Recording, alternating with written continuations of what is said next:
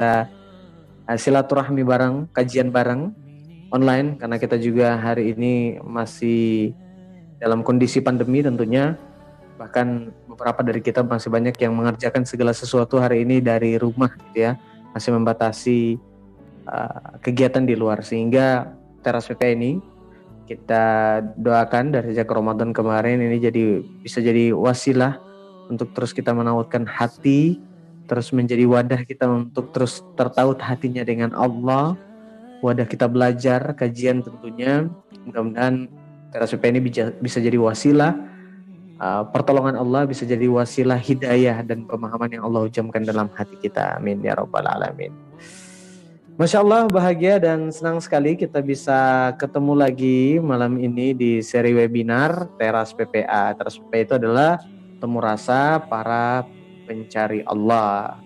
Yaitu ada sharing dan kajian yang seperti saya sampaikan tadi, 2 sampai tiga kali kita adakan dalam sepekan. Tentunya di sini kita menghadirkan guru-guru yang kita harapkan tentunya mudah-mudahan Allah pilihkan mereka guru-guru kita ini untuk menjadi wadah cahayanya Allah untuk bisa menerangi hati kita, insya Allah. Dan tentunya menghidupkan rasa-rasa dalam hati kita, termasuk rasa syukur, iman yang terus bertambah, amal yang terus bertambah, sabar yang terus bertambah, dan istiqomah di jalan Allah, insya Allah ya. Baik, saya coba cek sound terlebih dahulu bagaimana suara saya jelaskah terdengar teman-teman sekalian. Mohon jawabannya di kolom chat yang ada ya. Masya Allah, Mbak Ratri, Mbak Nina, wah Masya Allah, Kang Denny, Masya Allah ya. Nih, terima kasih banyak loh, wah Mbak Novi dari Kuningan, Masya Allah ya. Wah jelas banget nih, siap Mbak Ida. Oh rumah Quran Pagar Alam, Masya Allah. Alhamdulillah ya. Uh, terima kasih banyak yang sudah pada respon. Mudah-mudahan Allah uh, seantusias apa kita di sini. Mudah-mudahan seantusias itu juga Allah untuk bisa menolong kita, memberikan hidayah dan pemahaman kepada kita semuanya. Dan kita sambil ini ya, ini sudah 120 lebih partisipan yang sudah hadir. Yuk kita absen juga nih, sudah dari mana saja yang hadir pada kesempatan ini. Sekaligus malam ini saya mohon izin ya, saya Kak Yawan izin menemani kembali guru saya Ustadz Zul untuk bisa menemani Bapak Ibu tentunya pada sesi sharing malam ini ya. Alhamdulillah. Cek cek. Masya Allah.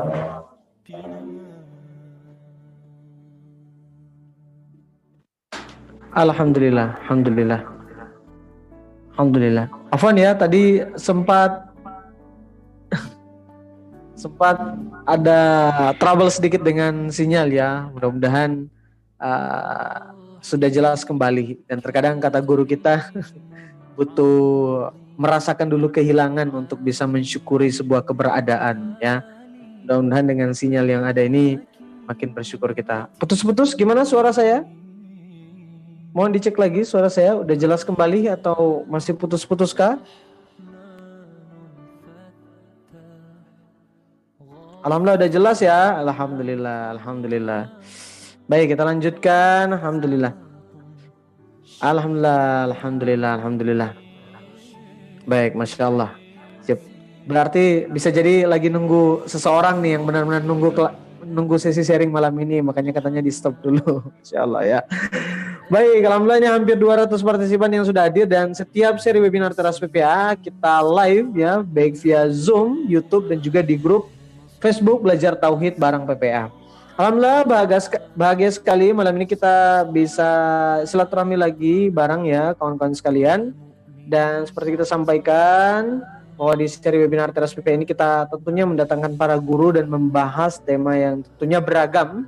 Kami ucapkan selamat datang bagi yang sudah bergabung. Apa saja nih tema yang akan kita bahas banyak banget. Tentunya guru juga yang kita hadirkan dari berbagai macam uh, sisi keilmuan, baik dari apa all trainer PPA, para asatis dan beberapa juga tokoh-tokoh nasional uh, sering kita juga undang untuk berbagi inspirasi dengan kita semuanya.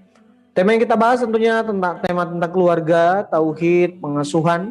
Beberapa kali kita juga bahas tentang tema tentang bisnis ya, kesehatan fisik maupun psikis, motivasi, inspirasi termasuk beberapa kali kita juga bahas tentang sejarah. Dan spesial malam ini kita membahas tentang sebuah tema yang sangat menarik tentunya. Uh, apa itu adalah the art of words ya. Jadi uh, satu seni dalam berkomunikasi yang kita tahu tentunya bahwa uh, setiap hari itu kita pasti berkomunikasi. Tapi tidak setiap kita itu bisa memilih kata-kata terbaik untuk bisa berkomunikasi dengan orang lain. Padahal setiap kita pasti punya niat yang baik untuk berkomunikasi dengan orang lain. Tapi terkadang apa-apa yang menurut kita baik, apa-apa yang menurut pemikiran kita untuk disampaikan dengan cara yang baik, terkadang kita belum punya ilmunya. Pemilihan kata-kata yang terbaik, kata-kata yang menghujam, kata-kata yang menggerakkan, kata-kata seperti apa yang mengandung hikmah. Karena kita tahu benar bahwa kita itu sangat-sangat dianjurkan ketika kita tidak bisa berkata-kata yang baik, sebaiknya kita diam ya man kana yu'minu billahi wa bil yawmil akhir falyakul khairan aw liyasmut jadi berkata-katalah yang baik kalau tidak diam tapi pahala untuk orang-orang yang bisa berkata-kata yang baik, berkomunikasi yang baik, yang bahkan menggerakkan, ya, menyuruhkan kebaikan itu lebih besar pahalanya, insya Allah. Tapi bagaimana kita juga harus butuh dong ilmunya belajar. Nah, mudah-mudahan malam ini kita insya Allah banyak dapat pencerahan nih dari guru kita dan memang guru yang malam ini mempersamai kita spesial banget tentunya Bapak Ibu.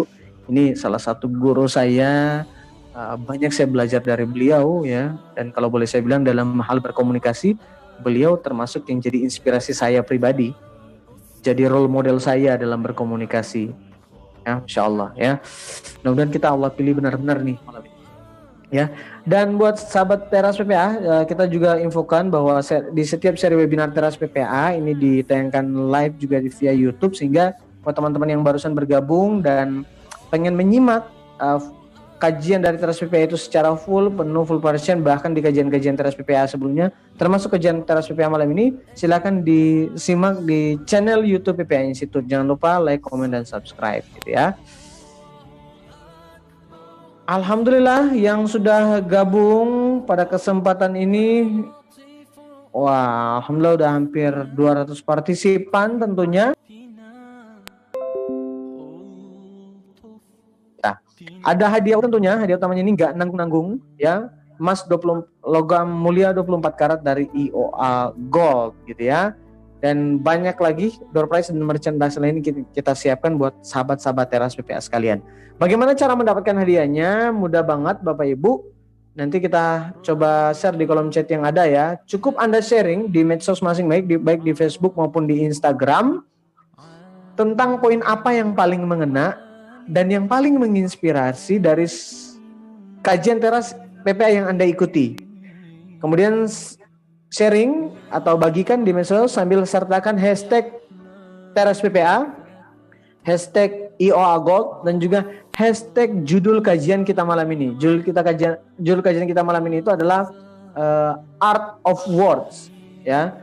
Boleh tag juga Facebook dan Instagram dari PPS itu juga IOA Gold dan untuk mempermudah kami untuk menentukan pemenangnya tag juga akun uh, medsos dari guru kita Ustadz Sonia Bikim, Ustadz Reza Rendi, saya Triawan Kolopita dan juga pemateri kita malam ini yaitu Ustadz Zul Ustadz Zul ya kalau apa Facebooknya beliau itu M Zulfikarullah Muhammad Zulfikarullah ya. Insya Allah postingan yang paling bagus resumenya Insya Allah kita akan pilih dan menjadi pemenang dan berhak atas hadiah-hadiah yang kita siapkan. Jangan lupa uh, simak terus ya grup dan channel Telegram. Grup WhatsApp Teras dan channel Telegram Teras PWA di sana kita akan infokan termasuk cara mengklaim hadiah dan pemenangnya.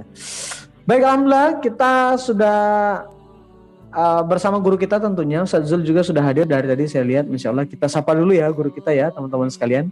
Tentunya sudah pada nggak sabar nih nyapa guru kita. Yuk. Bismillahirrahmanirrahim. Assalamualaikum warahmatullahi wabarakatuh. Ustazi Ustaz Zul Waalaikumsalam warahmatullahi wabarakatuh Kak Yawan Gimana kabarnya Kak? Alhamdulillah Sehat-sehat ya Kak? Alhamdulillah Alhamdulillah Alhamdulillah Makin sehat Ustaz Ustaz gimana kabarnya Ustaz? Alhamdulillah, Bismillah semakin baik, semakin sehat, insya Allah mudah-mudahan semakin berkah. ya, ada satu hal nih kalau uh, teman-teman ya, jadi uh, sebelum bahas terlalu dalam materi malam ini itu, bahkan dengan Ustaz Zul itu berkomunikasi saja dengan beliau, salamnya saja beliau itu sebenarnya sudah menyampaikan komunikasi yang indah. Nah ini ini kita butuh pelajari nih, makanya kita beruntung banget nih yang kita bisa uh, ada di uh, teras PPA malam ini, termasuk yang sering ikut kelas-kelasnya Ustaz Zul. Saya juga apa minat yang luar biasa dari setiap materi yang Ustaz Zul bawakan gitu ya. ini di rumah ya Ustaz. Alhamdulillah di rumah kak. Ya Masya lagi Allah. bantu mendoakan juga tadi sama-sama mendoakan karyawan. Mudah-mudahan listriknya lancar ya kan? Ya semoga sinyalnya nggak putus-putus. Ini udah ada iya nih. kadang Allah izinkan gitu supaya Allah izinin gitu iya, dan, biar bisa bareng-bareng iya masya Allah. Jadi alhamdulillah ya tadi jadi kemarin Mbak Da jadi ceritanya ini singkat ya tadi kemarin tuh Mbak Da uh, nemanin Ustadz Rizal di kelas PPA kemudian ngantar Ustadz iya. Rizal dari Manado juga. Yeah. nyampenya tadi jam 2 siang gitu. Jadi istirahat dikit kemudian prepare dari teras PPA tadi udah 30 menit sebelum maghrib itu tiba-tiba hampir seluruh kota Mubag itu mati lampu gitu. Jadi Uh, kita juga banyak yang heran gitu ya. Jadi termasuk sholat di masjid maghrib isya pokoknya gelap amat luar biasa. Jadi memang di luar ekspektasi makanya kita udah siapin yang terbaik untuk teras PPL. Alhamdulillah Allah tolong, masya Allah, masya alhamdulillah. Ustazi, mohon disapa dulu dong teman-teman kita nih, Ustaz yang sudah pada hadir nih dari seluruh Indonesia tentunya, mulai dari Indonesia paling timur sampai Indonesia paling barat. Assalamualaikum warahmatullahi wabarakatuh Sahabat-sahabat semua yang insya Allah disayang dan dirahmati Allah. Gimana nih kabarnya malam ini? Sudah hadir dari mana aja? Boleh dong share di kolom chat Ataupun di Facebook, di Youtube. Ya ini coba saya lihat di Youtube juga sudah ada. Di Facebook ada sedikitnya hampir 50-an ya. Dan di uh, Zoom kita alhamdulillah lebih dari 200-an mudah-mudahan semakin banyak saudara-saudara kita yang sama-sama bergabung dan sama-sama belajar gitu ya. Ini kalau kebetulan aja kebetulan Fakir yang uh, kebagian ngisi materi nanti satu waktu kayawan lah yang ngisi materi insya Allah. Allah. insya Allah. Ini udah pada ini ini udah pada absen nih dari Bukit Tinggi, Semarang, masya Allah, bener, Serang, bener, bener. Cianjur. Garut, Kuningan, masya Allah. Masya Allah. Bogor, Probolinggo, masya Allah. Tegal lah. Rame nih tat. Padahal kalau kalau nggak salah nih teman-teman ini ada meetingnya uh, kepala-kepala PPLC ya kalau nggak salah ya. Tapi iya, kelihatannya ya, insya Allah sudah selesai ya mudah-mudahan nggak pada absen gitu ya. Masya Allah. Wah ini Allah Mas Eke Ibu Jia Ki Wianto, Masya Allah ini lagi tugas apa gimana hmm. Mas Eke ini luar biasa banget nih dari Ramadan kemarin nyimak terus kayaknya nggak pernah hmm. ketinggalan teras PPA nih ya Allah, Masya Allah. Wah ini boleh di absen nih kak maksudnya kalau yang mereka dari sahabat-sahabat kita dari Ramadan sudah mau ketemu Ramadan lagi nggak pernah absen nih, iya benar. Insya Allah mudah-mudahan ciri Ramadannya mulai berhasil oh, gitu ya. Masya Allah. Nah, karena hasil Ramadan Aduh, itu terlihatnya itu pasca Ramadan bukan bukan pada saat Ramadan saja gitu kak.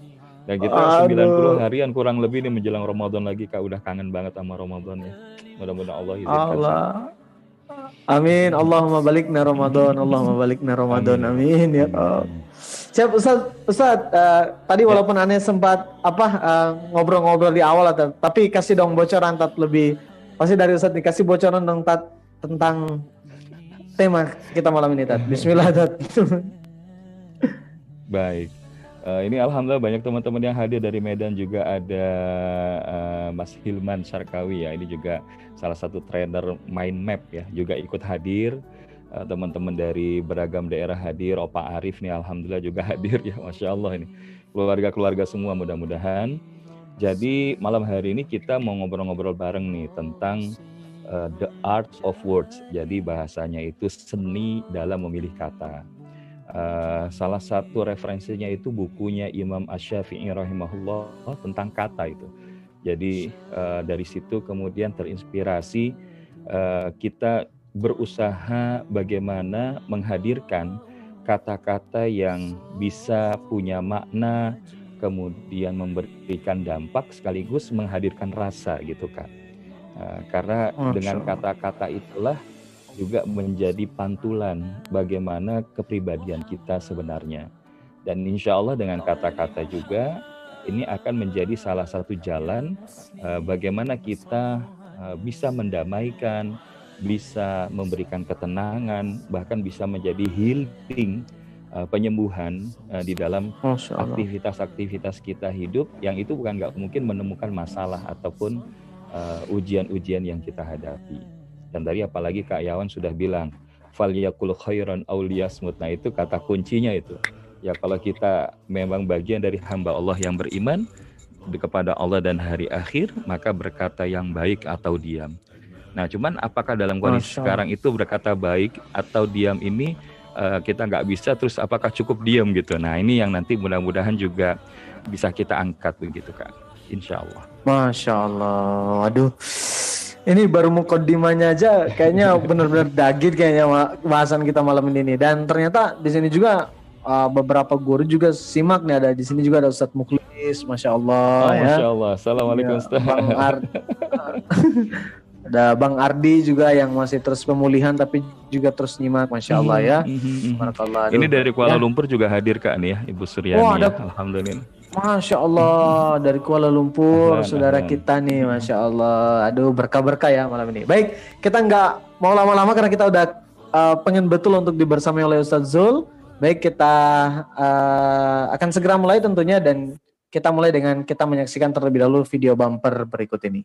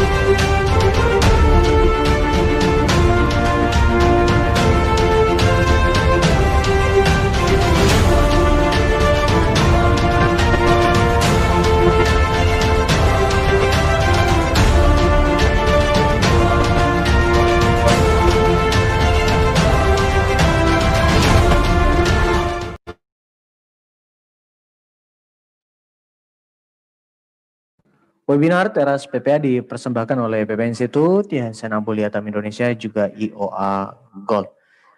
Baik, Bismillah teman-teman sekalian, yuk kita siapkan hati, kita lapangkan hati, rendahkan hati kita, siapkan catatan ya, karena pasti insya Allah banyak uh, tentunya hal-hal yang bisa jadi poin-poin penting nih untuk kita bisa uh, catat dan kita berdoa mudah-mudahan guru kita semuanya Ustaz Zul, Allah bimbing, Allah temani, Allah lancarkan untuk bisa share sharing dengan kita semuanya tentang ilmu-ilmu dan kepahaman dari Allah Subhanahu wa taala.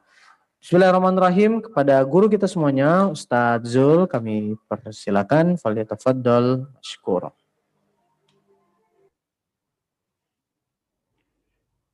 Baik Kayawan izin untuk share screen dulu ya.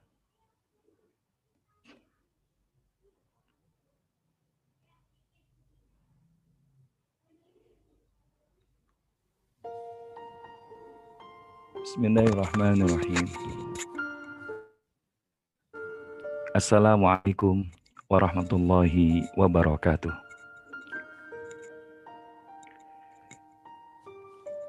Innal hamdalillah nahmaduhu wa nasta'inuhu wa nastaghfiruh wa natubu ilaihi wa na'udzu billahi min syururi anfusina wa min sayyiati a'malina may yahdihillahu fala mudilla lahu ومن يضلل فلن تجد له وليا مرشدا.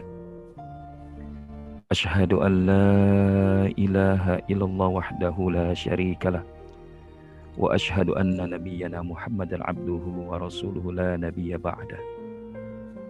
اللهم صل على نبينا محمد بن عبد الله وعلى آله وأصحابه ومن تبعهم بإحسان إلى يوم القيامة. أما بعد سبحانك لا علم لنا إلا ما علمتنا إنك أنت العليم الحكيم Ya Rabbi, inilah kami hamba-hambamu ya Allah. Berkumpul di dalam rangka mentautkan hati-hati kami ya Allah. Berkumpul di majelis yang kami amat sangat berharap Engkau cucuri dengan rahmat dan kasih sayangmu ya Allah. Walaupun kami sadar ya Rabbi, bahwa betapa banyak masih dosa dan maksiat yang kami lakukan di dalam hidup ini. Namun seakan kau tidak peduli dan tetap memilih kami ya Allah. Oleh karenanya ya Rabbi, anugerahkan keselamatan bagi semua saudara-saudara kami yang hari ini hadir ya Allah. Rahmati hidupnya ya Allah. Ahli keluarganya ya Rabbi. Segala aktivitasnya anugerahkan keberkahan ya Allah. Termasuk apa yang kami lakukan pada malam hari ini jadikan sebagai jalan di mana engkau semakin memandang kami ya Allah semakin mencintai kami dan engkau pun anugerahkan ridhomu kepada kami yang mujibasa ini Allah maftah lana qulubana. Ya Allah bukakan daripada pintu mata hati mata hati kami ya Allah. Wa alhimna rusdana dan berikanlah ilham akan petunjukmu ya Allah. Temani kami ya Rabbi. Wahdina ila siratikal mustaqim. Di atas jalanmu yang lurus ya Rabbi. Hujamkan pemahaman di dalam hati-hati kami malam hari ini ya Allah. Sehingga dengannya engkau mudahkan kami menyampaikan kata-kata yang memiliki nilai manfaat dan engkau semakin cinta ya Allah. رب اشرح لي صدري ويسر لي أمري واحلل عقدة من لساني يفقه قولي. اللهم إنا نسألك علما نافعا ورزقا واسعا حلالا طيبا وعملا متقبلا يا رب العالمين. والحمد لله رب العالمين. الحمد لله Thumma alhamdulillahilladzi bini'amatihi tatimmus salihat. Sahabat-sahabat, saudara-saudara surgaku yang insya Allah dirahmati dan dikasihi Allah. Bagaimana kabarnya malam hari ini? Semoga kita semua semakin sehat, semakin diberikan kelimpahan akan karunia dan kasih sayang Allah Subhanahu wa Ta'ala.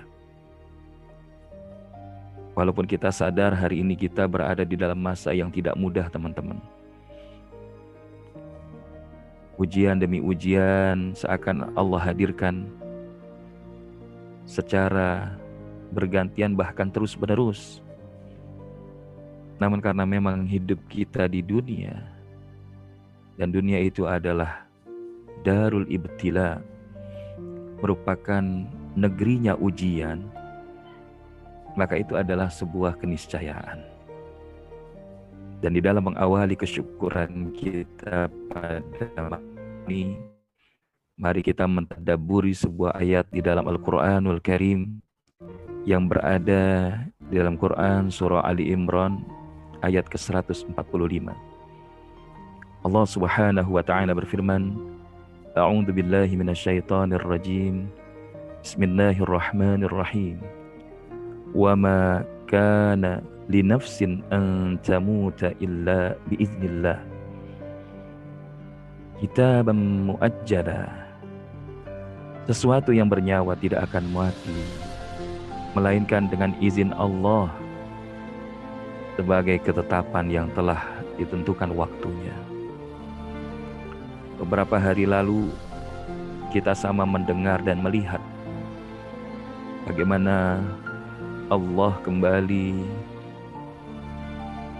memberikan tazkirah kepada kita akan wafatnya saudara-saudara kita yang sedang melakukan safar ke daerah Pontianak melalui sebuah maskapai penerbangan. Qadarallahu masyafa'al. Inna lillahi wa inna ilaihi raji'un.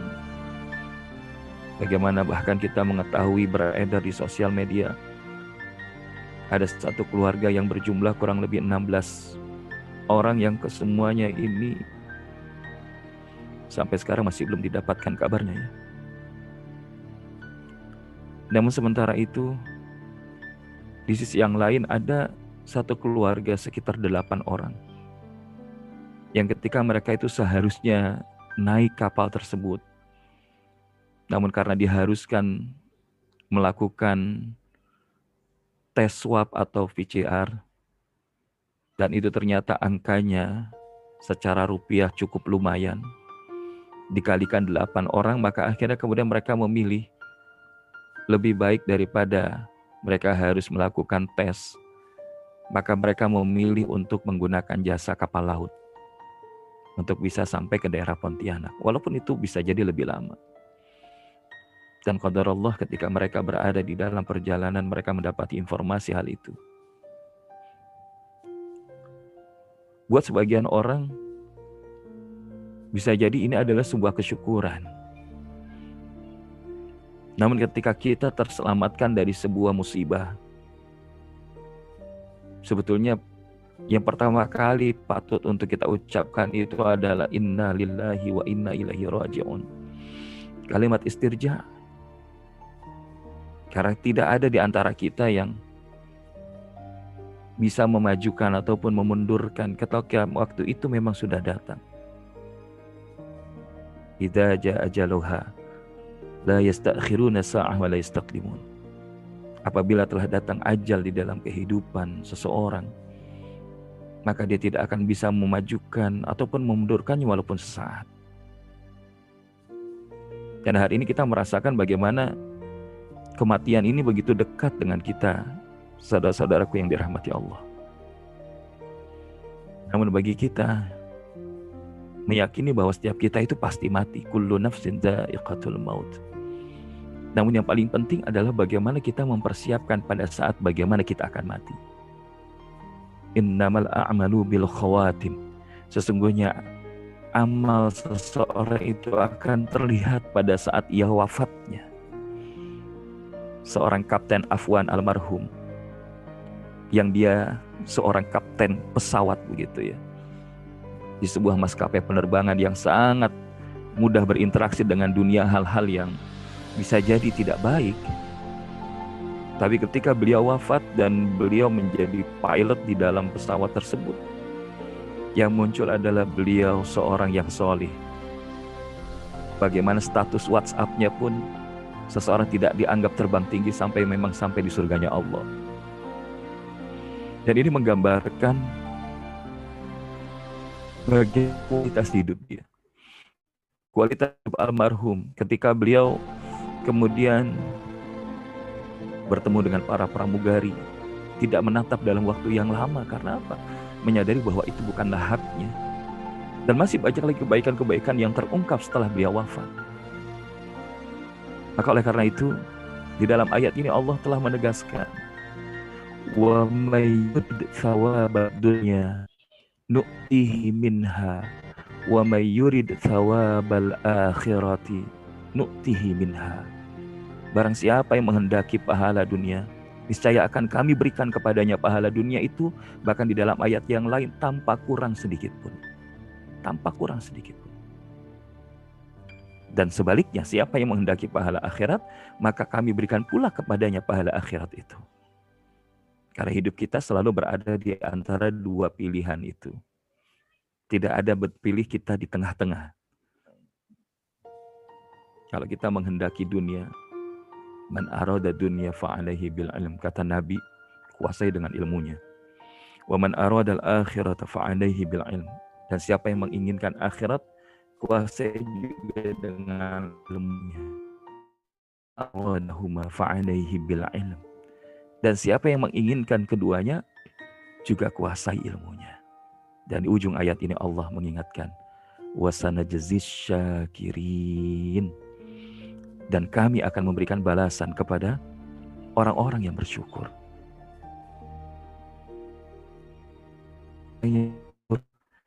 Mereka bukan hanya mendapatkan kebaikan di dunia, dengan ditambahkan kebaikan-kebaikan lainnya oleh Allah. La'in syakartum la'adzidannakum. Jikalau mereka bersyukur, maka kami akan tambahkan nikmat lainnya bagi mereka.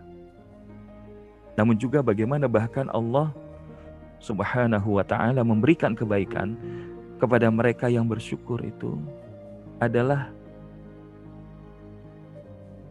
ma yaf'alullahu bi'azabikum in syakartum wa amantum wa kana syakiran alima.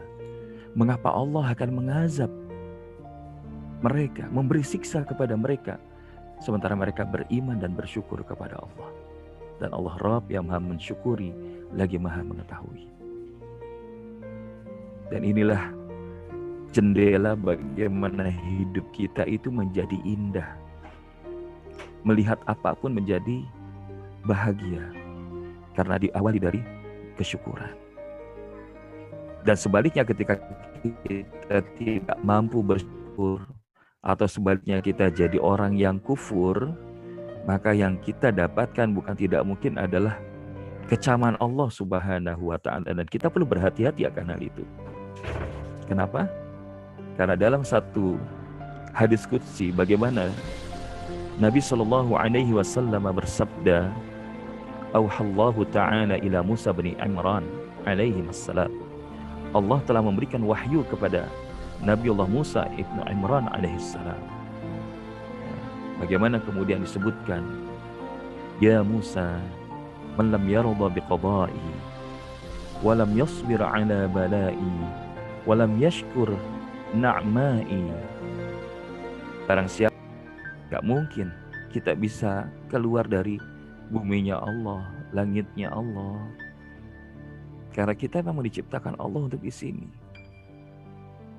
Maka yuk kita bangun kesyukuran kita, kesabaran kita, dan keridhaan kita terhadap apa yang Allah berikan.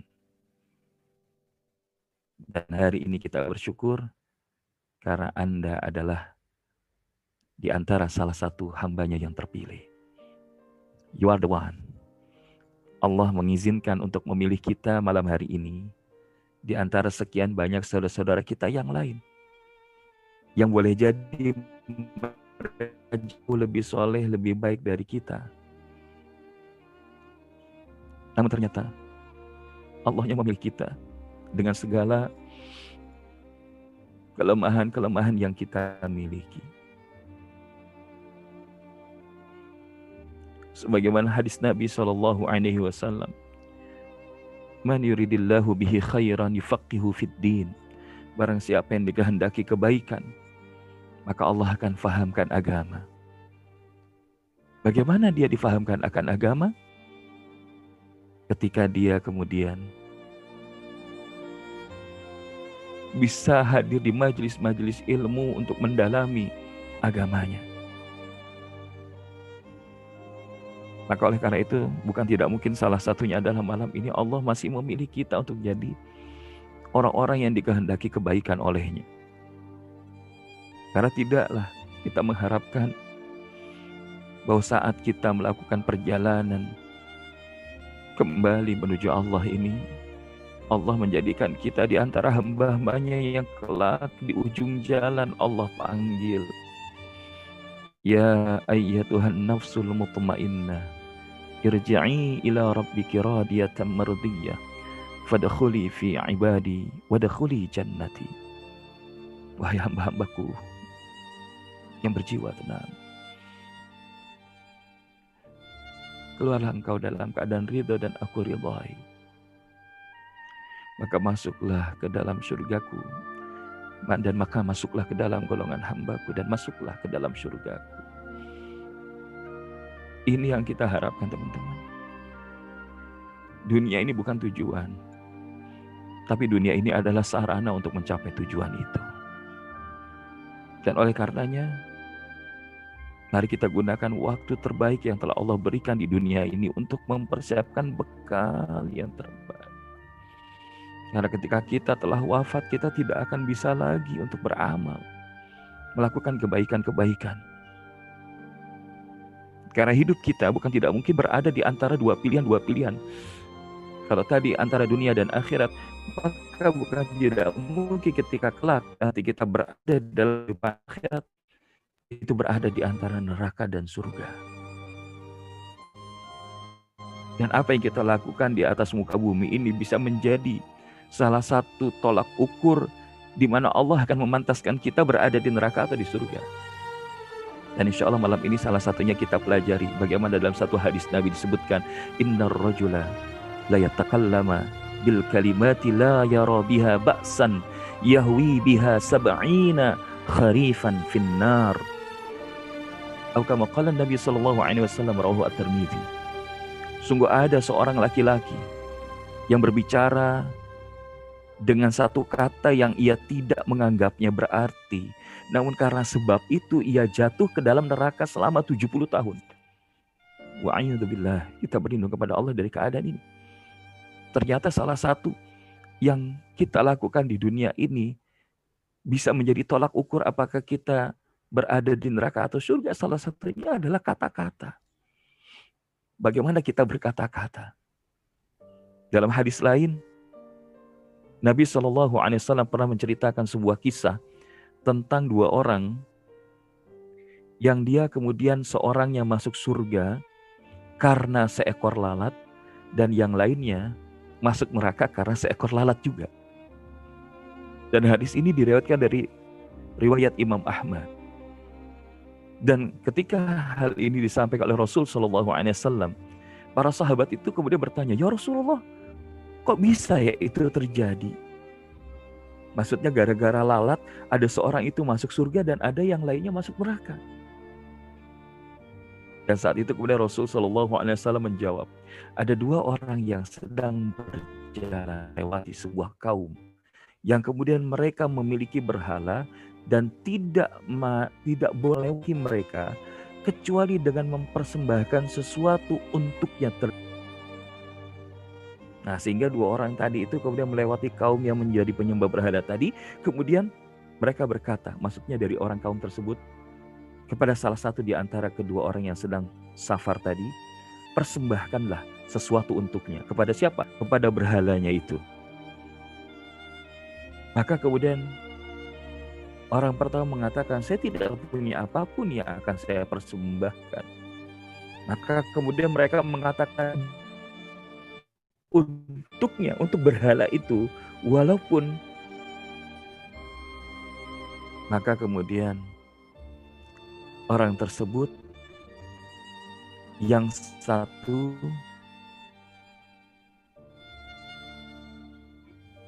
mempersembahkan saya luruskan perjalanannya.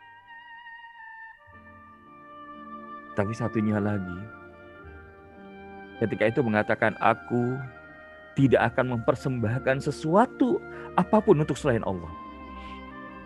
Maka terjadi apa? orang yang menolak untuk mempersembahkan tadi walaupun hanya seekor lalat, maka dipenggal lehernya. Dan ia pun kata Nabi Shallallahu Alaihi Wasallam masuk ke dalam surganya Allah. Sementara yang lolos tadi justru mendapatkan nerakanya Allah. Kenapa tak Walaupun hanya mengatakan mempersembahkan sesuatu kepada selain Allah, walaupun hanya seekor lalat, hati-hati, itu bisa menjadi sebuah kesyirikan yang menjurus kepada kekafiran. Dan ini terdapat satu peringatan keras agar manusia itu sadar bahwa sangat mudah terjerumus dalam kesyirikan. Padahal ia tidak bisa menyadari bahwa itu bisa memasukkannya ke dalam neraka. Makanya ketika akhir tahun biasanya itu rame. Pro dan kontra ketika seseorang itu mengucapkan selamat hari raya bagi umat yang lain. Cuma sekedar kata-kata, tapi kata-kata itu punya makna. Kata-kata itu menunjukkan kondisi iman kita. Dan kata-kata itu yang bisa juga menjadi penghantar kepada surganya Allah atau sebaliknya nerakanya Allah tadi. Akan ada seorang tadi yang ketika dia mungkin meremehkan perkataan tentang mencemooh Allah, mencemooh Rasulullah.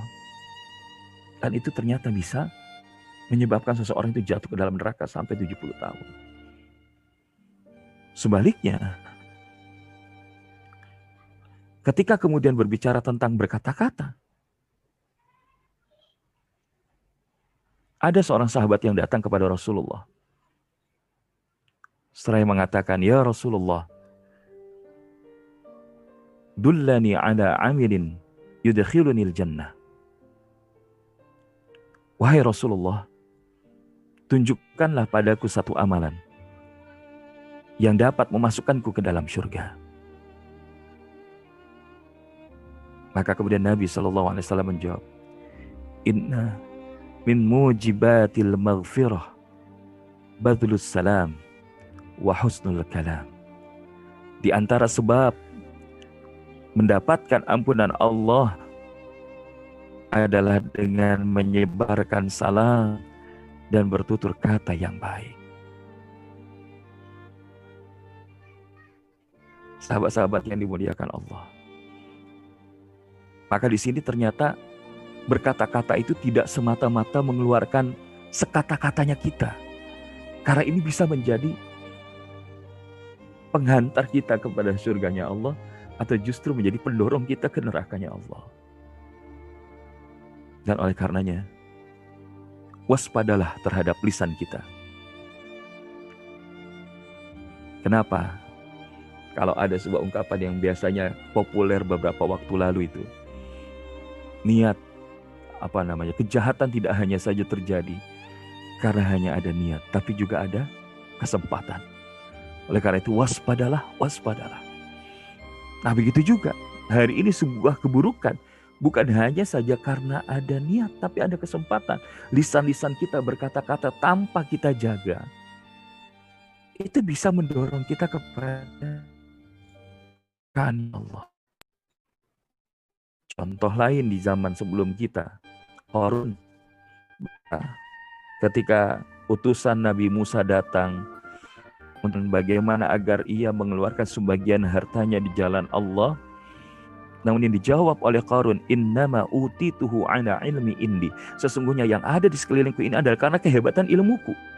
Apa yang terjadi? Allah kemudian mengazab Qarun beserta dengan apa yang ia banggakan. Masuk ke dalam perut bumi. Fir'aun mengatakan, Ana rabbukumul a'la, aku Tuhan kalian paling tinggi. Cuma kata-kata. Tapi ternyata kata-kata yang keluar dari lisan ini tidak dijaga, bukan tidak mungkin bisa menjadi sebab kecelakaan yang amat sangat berbahaya. Maka oleh karena itu Nabi Wasallam mengingatkan dalam hadis lain, "Ida asbah benu Adam, fa inal aghda'a kullaha tukaffirul lisan, fataqulu ittaqillah fina fa innama nahnu bika, fa in istaqamta taqamna wa wajajta ya wajajna." Jika anak Adam memasuki pagi hari, Sesungguhnya semua anggota badannya berkata merendah kepada lisan. Ittaqillah, bertakwalah kepada Allah dalam menjaga hak-hak kami. Sesungguhnya kami ini tergantung kepadamu. Jika engkau istiqamah, maka kami juga istiqamah. Dan jika engkau menyimpang dari jalan petunjuk, maka kami juga menyimpang. Atau kama Nabi sallallahu alaihi wasallam rawahu at-Tirmidzi sahabat-sahabat surga yang dirahmati Allah. Oleh karenanya, setiap kata yang disampaikan itu sekali lagi oleh kita itu bisa menjadi jalan bahagia atau jalan sengsaranya. Jalan bahagia atau jalan sengsaranya. Nah, lalu gimana? agar kita tidak jadi jalan sengsara, kata-kata yang kita sampaikan itu, tapi bisa menjadi salah satu wasilah jalan menuju bahagia yang Allah ridhoi. Insya Allah inilah yang ingin kita sampaikan dalam sesi kita malam hari ini. Bagaimana caranya agar seni berkata-kata yang disampaikan itu punya power, punya kekuatan, dan meaning, makna yang impactful, yang berpengaruh. Jadi kata-kata yang kita ucapkan, ketika itu bisa menjadi jalan bahagia, maka kata-kata yang disampaikan itu punya kekuatan, makna yang berpengaruh. Dan kalau kita lihat, tidak ada role model yang paling hebat di dalam urusan ini, melebihi daripada Rasulullah Muhammad Sallallahu Alaihi Wasallam. Di dalam materi sebelumnya di teras beberapa waktu yang sudah lewat, kita menyampaikan property communication. Maka di situ kita belajar bahwa Nabi itu jawami ul kalim. Kata-katanya singkat, padat, tepat, tapi berbobot. Nah, gimana kita belajar? Insya Allah, sebelum kita masuk kepada langkahnya, maka yuk kita ketahui dulu apa prinsip-prinsipnya. Karena ketika kita belajar prinsip, insya Allah nanti ketika melaksanakan dalam langkah-langkahnya akan jauh lebih mudah. Dan di dalam malam hari ini tidak banyak kecuali ada tiga prinsip yang mudah-mudahan yang kita sampaikan ini yang kita diskusikan ini, yang kita kaji ini, Allah ridho dan bisa kita praktekkan. Apa itu? Maka prinsip yang pertama adalah ketika kita akan bicara, maka prinsipnya adalah think before you speak. Berpikir sebelum kita bicara. Jadi kalau tadi kita kembali kepada kisah yang dua orang gara-gara lalat masuk surga dan masuk neraka. Bukan tidak mungkin yang pertama tadi yang kemudian dia berpikir jangka pendeknya ya udah sih kalau cuma masalah lalat doang apa sih lalat dibandingkan Allah gitu ya. Kan ini kelihatan kayak benar. Tapi ini yang kita sebut dengan false philosophy. Filosofi yang salah, keliru gitu. Karena justru ini malah mencelakakan. Maka hari ini kadang-kadang ada di luaran sana atau mungkin bahkan diri kita ketika kita melihat secara jangka pendek itu kelihatannya menguntungkan padahal itu bisa membahayakan dalam jangka panjang. Maka think before you speak. Berpikir sebelum kita bicara. Nah, agar kita bisa punya think before speak. Maka awali, mulai segala sesuatu itu dengan apa goals yang kita ingin capai.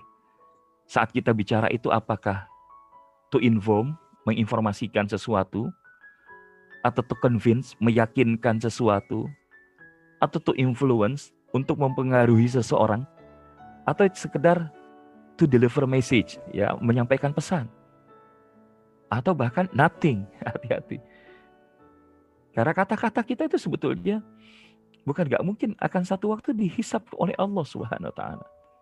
Makanya ketika tadi Kak Yawan sebut hadisnya fal yakul khairan aul yasmut bukan semata-mata kalau kita nggak bisa ngomong yang baik terus diam gitu. Tapi apa yang kita kata-katakan itu itu semua akan diminta pertanggungjawaban oleh Allah Subhanahu wa taala. Maka mulai kalau kita mau bicara nih, Misalkan contoh Al-Fakir ketika malam hari ini, ketika bicara, maksudnya apa sih goalsnya? Maka personal goals adalah ingin menjadi bagian di antara knowledge yang bisa menjadi legacy. Yang itu insya Allah menjadi tambahan daripada insya Allah amal soleh yang terus mengalir pahalanya. Walaupun satu waktu nanti detak jantung Al-Fakir ini telah berhenti.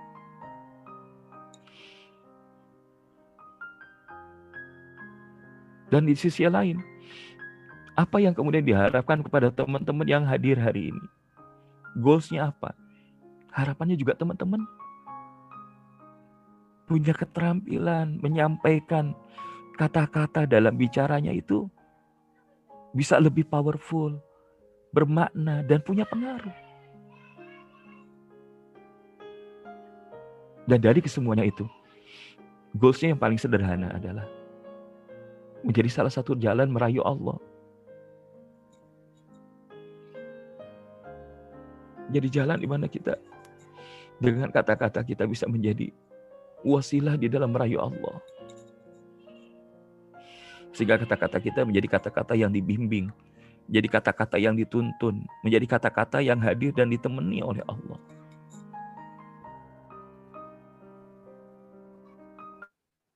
Dan kalau ini sudah kita lakukan, yang berikutnya adalah connect to the context. Kita berusaha untuk menyambungkan dengan konteksnya. Maka ketika tadi kita menyampaikan materi, kita nggak langsung to the point, langsung bicara tentang tiga langkah ini. Tapi tadi kita singgung bagaimana keadaan hari ini, peristiwa naas kemarin yang terjadi, apa yang ada di sekeliling kita, kisah-kisah yang boleh jadi itu terjadi sebelum generasi kita hari ini. Kenapa? Karena ini mendudukan konteksnya. Ini kita bilang sambungkan dengan konteks. Nanti kita akan ketemu dengan istilah bagaimana kita di dalam memulai pembicaraan itu perlu untuk menyampaikan dudukan why yang kuat. Kalau di kelas-kelas private kan kita sering dapat tip ketika Nabi Musa berbicara dengan Allah dan pada saat itu Nabi Musa diperintahkan untuk kembali lagi ke Mesir. Maka Nabi Musa tuh how to nanyanya gimana caranya ya Allah? Tapi ternyata Allah kemudian mengarahkan Nabi Musa untuk tidak berbicara caranya tapi why kenapa Nabi Musa diutus ke sana? Ini adalah konteks termasuk yang ketiganya adalah bagaimana kemudian bring solution with positive hadirkan solusi dengan positif. Bahwa kalau hari ini kita bicara ada masalah, yes, tapi tidak berhenti sampai di titik itu. Jangan sudah kita buat galau, gelisah akan sebuah apa pesan yang ingin kita sampaikan, namun kemudian tidak kita ajak sama-sama kepada satu hal yang positif untuk bisa dilakukan. Makanya salah satu guru kami mengajarkan bagaimana think ini juga bisa menjadi akronim. Ya. Ketika kita ingin bicara itu ya T H I N K sebetulnya tambahannya now. Ya. T-nya itu apa? Is it true? Apakah yang akan kita sampaikan itu adalah benar? Nah, artinya bukan hoax gitu ya. Kemudian hanya itu adalah is it helpful? Apa itu bantu? Kalau itu udah benar, membantu nggak? Kalau nggak membantu nggak usah kita bicarakan. I-nya is it inspiring? Apakah itu menginspirasi? Ya kalau itu sudah membantu, kira-kira bisa jadi inspirasi orang bergerak lebih baik nggak? Berikutnya, is it necessary? Apakah itu suatu hal yang sangat penting untuk kita sampaikan? Dan kalau sudah itu yang terakhir, is it fine? Apakah itu baik? untuk kita sampaikan. Nah ini. Dan kalau kita bicara, apakah itu sudah kita lewati semua? Apakah ini waktu yang tepat? Is it now? Right time we speak?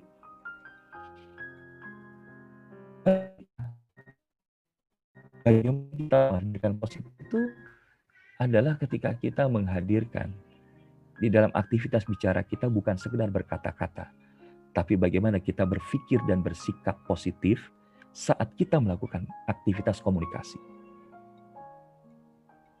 Caranya gimana? Karena waktu kita singkat, ada satu cara sederhana, yaitu bagaimana kita menghadirkan apa yang kita sebut dengan cinta.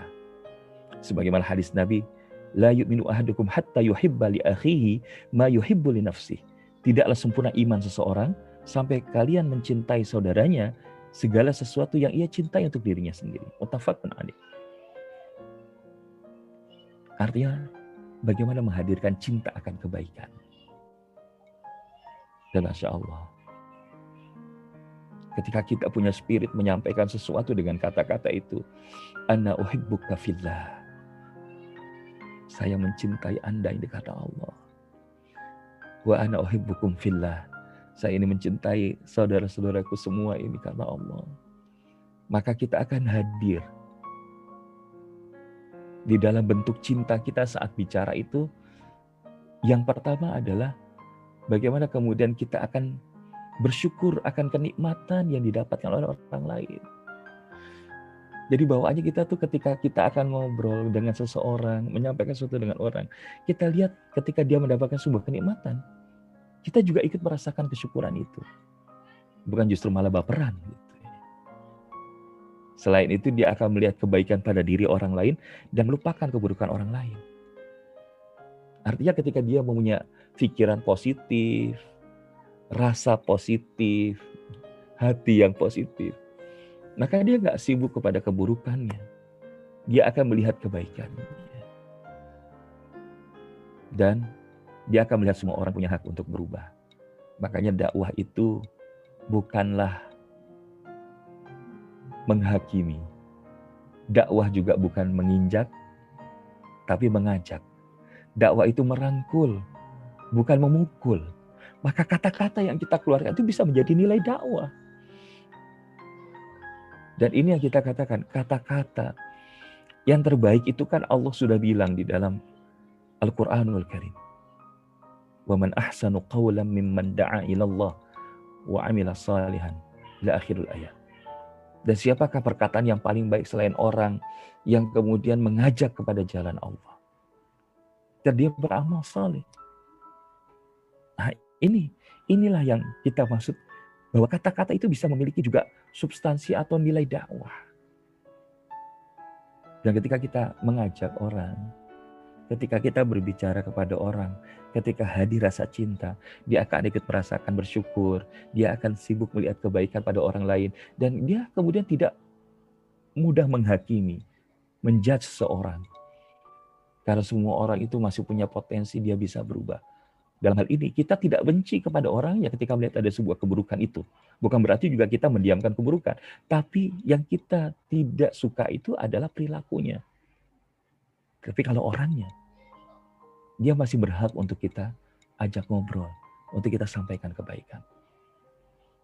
Sahabat-sahabat semua ini poin yang pertama ya. Mudah-mudahan kita bisa. Jadi bagaimana kita think before speak. Sekarang prinsip yang kedua yaitu adalah speak effectively. Bagaimana kemudian kita berbicara itu secara efektif. Yang tadi kita singgung, salah satu karakter Rasulullah di dalam berbicara adalah efektif, jawami'ul kalim. Caranya gimana bagi kita untuk melakukan itu? Nah, kita bisa lakukan dengan explaining the why. Nah, kalau tadi kita singgung ini, Ya, ini adalah bagian dari why-nya tadi di awal ya, kalau kita bicara. Dan Rasulullah ketika menjelaskan why itu misalkan ya ketika beliau ingin menyampaikan dakwah kepada para pemuka Quraisy pada saat itu. Apakah kalian kalau aku katakan bahwa di balik bukit Uhud ini ada musuh yang akan menyerang kalian, apakah kalian percaya? Ya ya ya Muhammad. Ya Muhammad. Karena engkau adalah al-amin namun ketika kemudian Rasul mengatakan, kalau aku katakan bahwa aku mendapatkan wahyu dari Allah untuk mengajak kepada kalian semua menyembah kepada Allah, maka apakah kalian juga mempercayainya? Dan ini ternyata menjadi terbelah dua. Ini bagaimana bahasa retorika Rasulullah ini luar biasa. Ketika ada seorang pemuda ingin berzina, maka kemudian Rasul mengatakan, apakah engkau rela kalau sekiranya ada orang yang menzinahi daripada ibumu, menzinahi daripada saudarimu, menzinahi bibimu. Tidak ya Rasulullah sekali-kali tidak.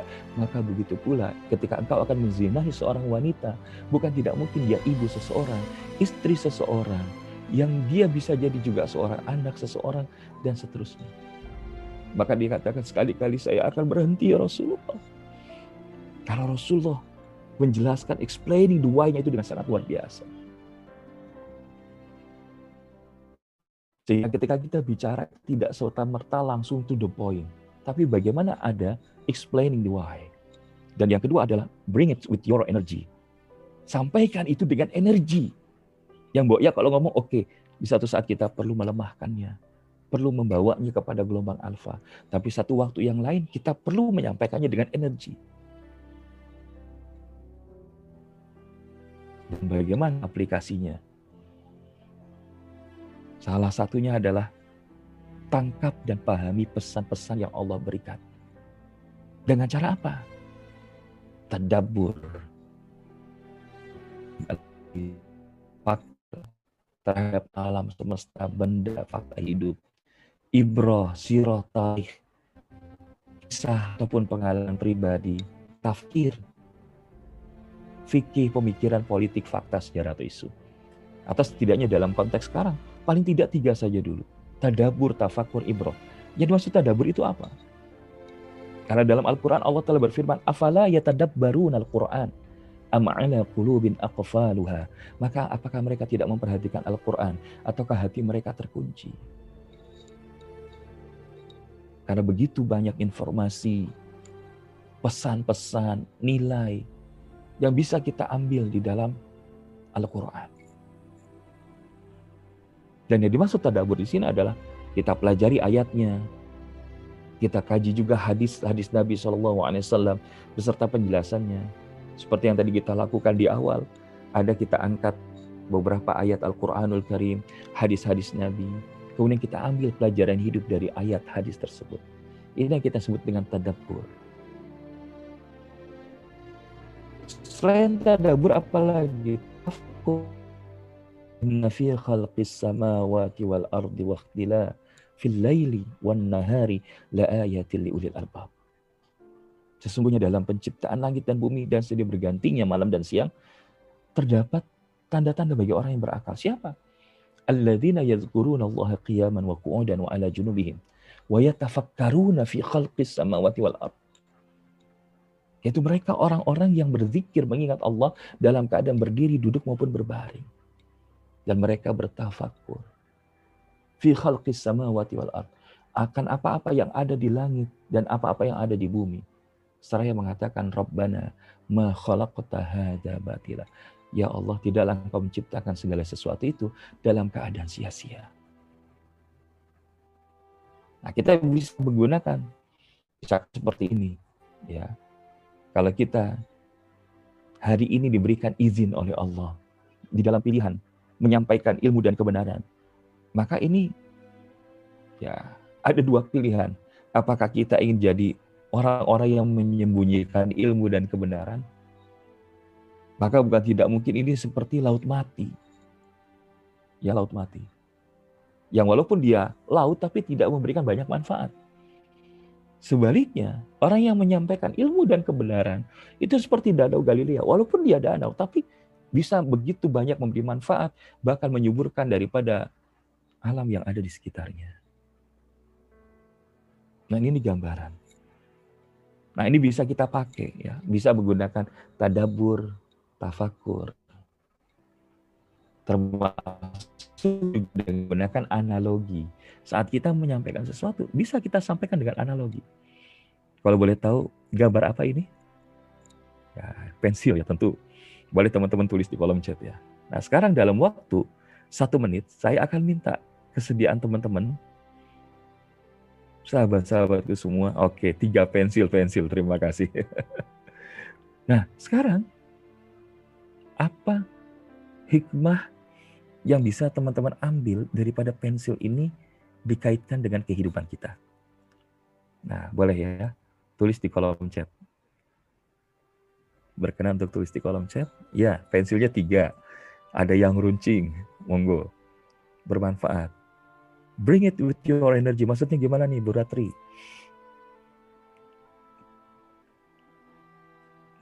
Ketika salah bisa saling mengkoreksi dan mengevaluasi. Yang satu belum diraut. Dengan menulis bisa memberi pengetahuan. Semakin sering diraut akan semakin bermanfaat. Oke, bisa Bu Novi ya. Kemudian berguna dan bermanfaat. Tetap bersatu dalam perbedaan. Good. Tiga pensil kuning, pensil bisa dihapus. dengan pensil bisa melukis indah. Oke. Okay. Nah, ini kita ngelihatnya baru di sisi pensilnya. Nah, ini Bu Raisa ya. Sesungguhnya kita sedang menulis kisah kehidupan. Namun ada kalanya pada saat kita menulis kehidupan itu ada. Nah, Bu Nur, Bu Nur melengkapi nih. Terima kasih ya dari Kerinci ya. Ketika kita menulis kehidupan itu ibarat pensil kita kadang ya untuk mengasah kehidupan tuh perlu diraut gitu kan, perlu diasah terus. Tapi satu waktu kita bisa salah. Dan ketika kita salah itu, bukan tidak mungkin kita masih bisa menghapus kesalahan itu dengan istighfar dan taubat. Sebagaimana pensil, ketika dia salah dari apa yang harusnya ditulis, maka dia masih bisa untuk dihapus. Begitu juga hidup kita. Allah masih memberikan pintu ampunan selama selama kita masih diberikan nafas oleh Allah. Alhamdulillah. Ini Masya Allah ya. Baru pensil aja udah segini banyak yang memberikan hikmahnya. Nah, Om Tri nanya, kenapa analoginya tiga Ustadz? Kenapa nggak lima? Ya gambarnya aja memang saya pengen munculin begini gitu. Terima kasih Bu Nur, jadi baper gini. Iya. Ini kalau kita lihatnya dari kacamata hikmah, ini bukan tentang pensilnya tiga atau lima atau sekedar cuman runcing. Oh ini ada penghapusnya, enggak sekedar itu. Tapi kita melihat bagaimana kehidupan kita bukan tidak mungkin. Ibarat pensil ini.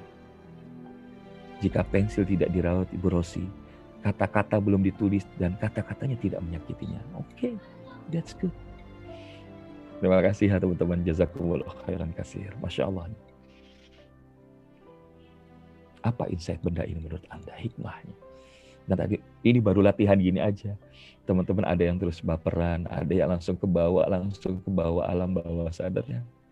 Which is ini sudah kalau menyampaikan tuh hmm, sesuatu yang hadir dari pemahaman itu akan jadi energi.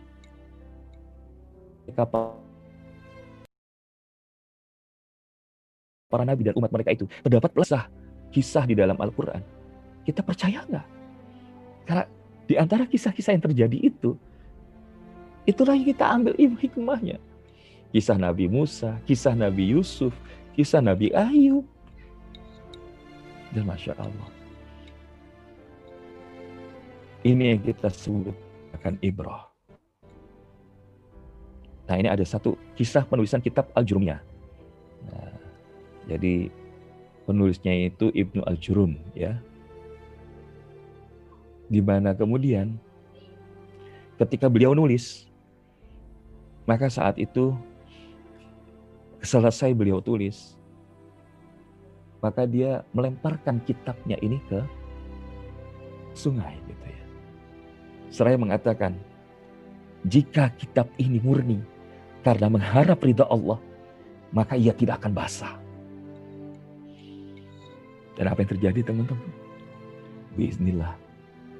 Kitab itu tidak luntur daripada tulisan yang ditulis daripada Ibnu Ajurum ini. Dan hari ini dipakai oleh banyak pondok pesantren, lembaga-lembaga ma'had di dalam penguatan ilmu kebahasaan. Al-Jurumiyah. Ini yang kita sebut powerful ya. Nah oleh karena itu teman-teman semua yang dirahmati Allah. Perhatikanlah, kata-kata itu akan berenergi. Apabila Anda sudah melakukan apa yang Anda katakan, karena Allah mengecam kabur maqatan indallahi antakulu ma la taf'alun. Kemurkaan Allah begitu besar bagi orang yang mengatakan tapi dia tidak mengerjakan. Dan yang kedua, atau dia mendapatkan hikmah yang dalam dari perkataan tersebut. Maka seseorang yang dipenuhi dengan hikmah, ketika dia mengatakan sedikit kata, tapi itu bisa menjadi satu kata yang sangat berpengaruh. Effectively, speak with effectively. Dan yang terakhir, teman-teman semua yang dirahmati Allah SWT, adalah speak smart. Speak smart. Berbicaralah dengan cerdas. Improve your choice of words. Kembangkan pilihan-pilihan kata kita saat kita berbicara, berkomunikasi. Gimana caranya? Nah, ada salah satunya. Kita pakai yang ini. Gunakan pilihan bahasa yang sesuai. Karena kita hidup di Indonesia, biasanya budaya ketimuran itu mengedepankan sopan santun. Maka di antaranya kita berikan kata-kata yang positif dan akhirnya juga merefleksikan hal yang positif. Ketika misalkan hari ini kita sedang diuji oleh Allah dalam keadaan yang tadi ya, mungkin dalam ujian kesehatan.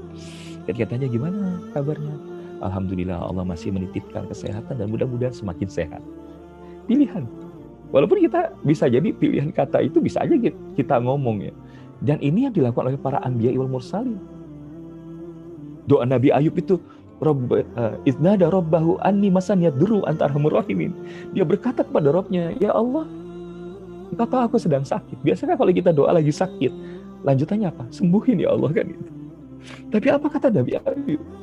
Wa antar rahimin. Dan engkau ini adalah Rob yang maha penyayang. Di antara yang penyayang. Dan Allah has berikan kepada Nabi Ayub hasilnya berupa kesembuhan, dikembalikan lagi istrinya, diizinkan lagi punya anak yang banyak, dan kesejahteraannya pun semakin. Maka hati-hati.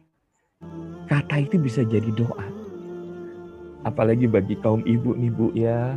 Hati-hati. Kalau ngeluari kata-kata bahkan kepada anaknya.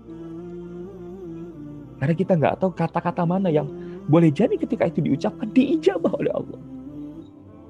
Kita ingat kisah tentang seorang ibu yang mendapati anaknya itu ketika sedang menjamu tamu, eh anaknya datang dan mencucup daripada buah-buahan yang dijamu. Tapi marahnya si ibu ini bilang gini, wahai Abdurrahman, dasar kamu ini, imam Masjidil Haram. Sebaiknya engkau tidak melakukan seperti itu. Dan istilah Allah izinkan menjadi pemimpin dari seluruh imam di Masjidil Haram yang bernama Syekh Abdurrahman As-Sudais rahimahullah. Gunakan kata-kata positif, akhirnya juga akan merefleksikan hal yang positif. Kemudian bisa juga pakai teknik bertanya dalam mendapatkan penjelasan atau pesan atau hal yang disampaikan. Pada saat kita ingin mendapatkan informasi, walaupun mungkin kita sudah sebagiannya kita tahu. Misalkan kita ngobrol sama anak kita, dapat informasi dari sekolah, misalkan berselisih dengan temannya. Terus kita tanya, nak, hari ini gimana sekolahnya? Terus terus ada kejadian apa nih tadi di sekolah? Sharing dong sama mama, sharing dong sama abi, sama umi, sama ayah. Dan ketika dia menyampaikan, bukan nggak mungkin kita akan dapatkan versi anak kita dan kita punya versi sebelumnya dari pihak sekolah. Dan dari situ bukan nggak mungkin kita akan bisa mendelivery kira-kira solusi apa yang terbaik bagi anak kita dalam menghadapi masalah itu. Nah, jadi bisa pakai teknik bertanya. Nah ini hanya karena waktunya memang terbatas, teman-teman nanti satu waktu insya Allah yang lain kita bisa mengembangkan lebih dalam lagi. Kurangi gunakan kata tidak dan jangan, kecuali pada tempatnya yang proporsional. Jadi bukan berarti tidak boleh sama sekali menggunakan jangan atau tidak. Bahkan dalam ilmu marketing itu kalau kita jalan pernah di satu daerah, jangan tengok kiri 100 meter rumah makan X gitu. Pas kita jalan, mau nggak mau nungguin 100 meter, akhirnya belok. Kita nengok kiri apa enggak? Nah ini, ini dalam bahasa marketing. Atau kalau misalkan uh, ketika kita jangan nakal nak. Nah, ini dalam bahasa orang tua kepada anak Mungkin kita bisa pilih kata, ya ketika jangan nakal, uh, Bunda yakin kok kamu ini anak yang luar biasa, yang Allah anugerahkan kesolehan. Dan kamu akan lebih baik kalau melakukannya dengan cara seperti ini. Nah, itu itu bisa menjadi pilihan walaupun jadi lebih banyak. Namun juga sekali waktu kita bisa katakan jangan atau tidak. Dan yang keempat, lakukan rephrasing atau mengulangi kata-kata penting sebagai afirmasi kata kunci. Oh gitu ya. Jadi kamu tadi di sekolah itu nggak sengaja menjatuhkan tasnya dia. Terus akhirnya dia marah dan seterusnya. Nah ini kita melakukan repressing. Ketika anak kita sudah menyampaikan sesuatu, ulangi lagi. Dan itu menjadi afirmasi kata kunci. Nah ini adalah gunakan pilihan bahasa yang sesuai.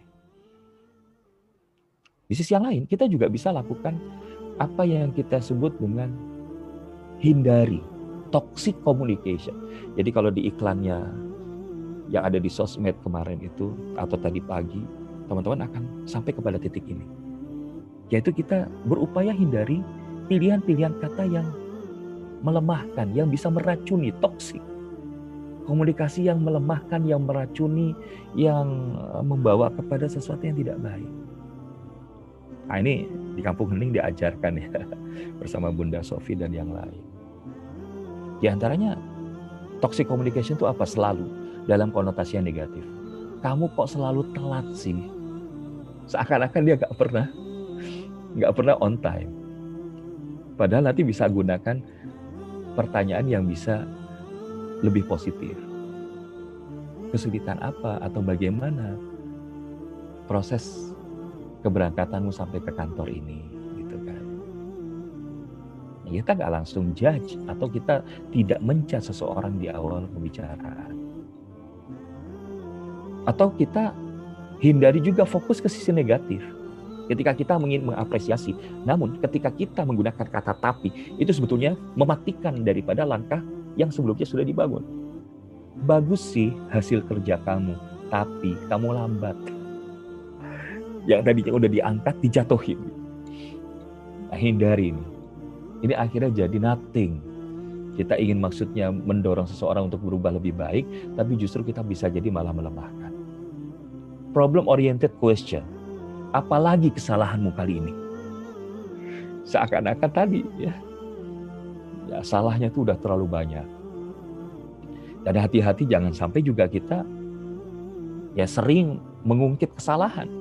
Kamu emang gak niat bantu. Aku udah kasih waktu tapi kamu lupa. Ya udah sih, kita ya tadi jangan baperan lah. Ya. Dan hindari juga kata nggak pernah. Kamu kok nggak pernah bener sih?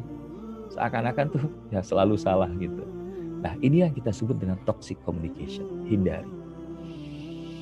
Dan untuk itu teman-teman semua yang dirahmati Allah, kita akan sampai kepada konklusi akhir sebelum Al-Fakir kembalikan kepada Kak Yawan. Inilah yang kita maksud the art of words. Bahwa berkomunikasi bukanlah agar sekedar mendapatkan pengakuan, penghargaan, perhatian, atau kasih sayang manusia semata-mata. Akan tetapi ketika kita berbicara, mengeluarkan kata-kata, berkomunikasi adalah menata hati, mengolah rasa dalam komunikasi agar jadi manfaat. Yang harapannya selalu dituntun oleh Allah dan berdampak kepada perubahan akhlak serta perilaku yang lebih baik. Dan inilah yang mudah-mudahan teman-teman kita dapatkan di modal awal pertemuan malam hari ini kalau kita kemudian nanya, ini kan baru prinsip ya. Gimana kalau pengen tahu langkah-langkahnya? Insya Allah teman-teman bisa dalami lebih jauh dalam program Heart Mastery 2.0. Insya Allah, sebagaimana diungkapkan oleh Syekh Ibnu Atta'illah rahimahullah, setiap ungkapan yang terucap dibungkus oleh corak kalbu yang menjadi tempat keluarnya. Bahwa hari ini kata-kata bukan sekedar didesain begitu indah dengan seni-seninya. Tapi seni itu hadir dengan sendirinya ketika dia telah memiliki rasa. Ketika dia menemukan rasa di dalam hatinya sehingga hati itulah yang tertawajuh kepada Allah dan Allah izinkan lahir dalam kata-kata yang menggugah, yang berdampak, yang memiliki kekuatan berpengaruh serta penuh dengan makna. Sampai ketemu lagi di sesi-sesi kita berikutnya dan kami tunggu bagi teman-teman yang ingin mendalami lebih jauh tentang heart mastery. Insya Allah nanti setelah ini Kak Yawan juga akan bantu menginformasikan. Jazakumullah khairan kasiro. Hadanallah wa iyyakum ajmain. Wassalamualaikum warahmatullahi wabarakatuh. Waalaikumsalam warahmatullahi wabarakatuh. Masya Allah. Alhamdulillah, Alhamdulillah, Alhamdulillah, Masya Allah. Gimana teman-teman ya, sekalian kalau ya. ini kita malah kurang rasanya walaupun udah banyak banget yang daging tuh disampaikan oleh Ustaz Zul ya Masya Allah. Bahkan banyak tadi yang saya lihat di kolom chat bahkan bisa dilihat nih dari video banyak yang masih bengkak-bengkak matanya nggak tahu kenapa nangis. Karena memang benar tadi tuh di konklusinya Ustaz Zul tadi bahwa ternyata bicara tentang komunikasi bukan cuma tentang eh, bicara tentang the art of work itu bukan bicara tentang komunikasi saja tapi tentang mata hati dan terus penguatkan rasa agar terus bisa jadi manfaat. Nah ini ini yang dalam banget nih kalau menurut saya. Memang uh, masya Allah ya kalau ngobrol dengan Ustaz Zulma benar-benar aduh masya Allah dahsyat ya kawan-kawan sekalian. Aduh, saya banyak catatan nih. Uh, saya sambil oh, saya iya. sambil ini banyak catatan, masya Allah luar biasa banget. Masya Allah, warakallah. Masya Allah. Di, Mana nih ngungkapinnya teman-teman sekalian saya mau ini dong uh, dari teman-teman nih gimana? Satu kata nih buat yang tadi disampaikan oleh Ustaz satu atau dua kata lah Masya Allah. Oh Masya Allah. Yuk berikan satu atau dua kata banyak meweknya tadi. Ya Allah Masya Allah. Yuk uh, dalam dan mantap Masya Allah. Mantap dahsyat lah masya Allah menusuk kalbu menembus jiwa ya Allah.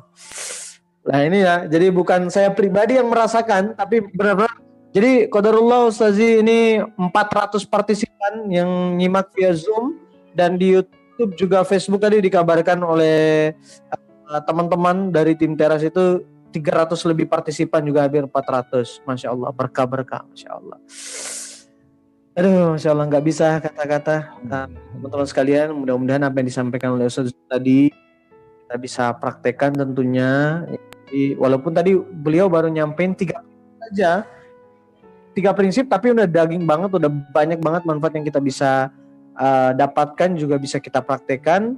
Dan terkait tadi ada yang nanya-nanya, kapan lagi nih kelas hat masrinya Ustaz Zul? Wah, saya udah berapa kali ngikut, masih sering-sering banget ingin ikut karena ini aja nih baru satu jam aja beliau ngobrol itu masya Allah banget. Gimana kalau one day trainingnya, masya Allah ya. Yang tadi masih bilang wah kurang Ustazul, kurang kurang kurang, masya Allah wah itu uh, di kelas trainingnya insya Allah lebih lengkap, paket lengkapnya di sana. Dan kabar baiknya nih, insya Allah ada yang lebih gimana ya? Uh, kalau kelas trainingnya kan kita bisa akses hanya sehari tuh. Nah insya Allah ada satu program nih yang akan di launching sama Spiritual Speaker Academy yang insya Allah kita bisa akses kapan saja tentunya dan kita bisa akses dari rumah via online. Masya Allah. Apa itu? Wah ini buat ini Mas Admin sudah share nih. Ini e-cars-nya dari Heart Mastery Training. Masya Allah wa tabarakallah. Ini berita bagus. Saya sudah daftar. Masya Allah. Saya juga daftar ya. Masya Allah. Heart Mastery Training ini paket lengkapnya pokoknya Insya Allah ya. Ini bisa diakses dari sekarang, Masya Allah. Kalau nggak salah saya masih ada harga promo nih, kalau nggak salah seingat saya ya, ada harga promo. Tapi nanti di ini atau bisa di, oke boleh minta linknya, siap. Di, mohon dibantunya Mas Admin, Masya Allah. Kenapa ini saya sampaikan? Oh, langsung ke spiritualspeakeracademy.com, di sana lengkap pokoknya, Insya Allah ya.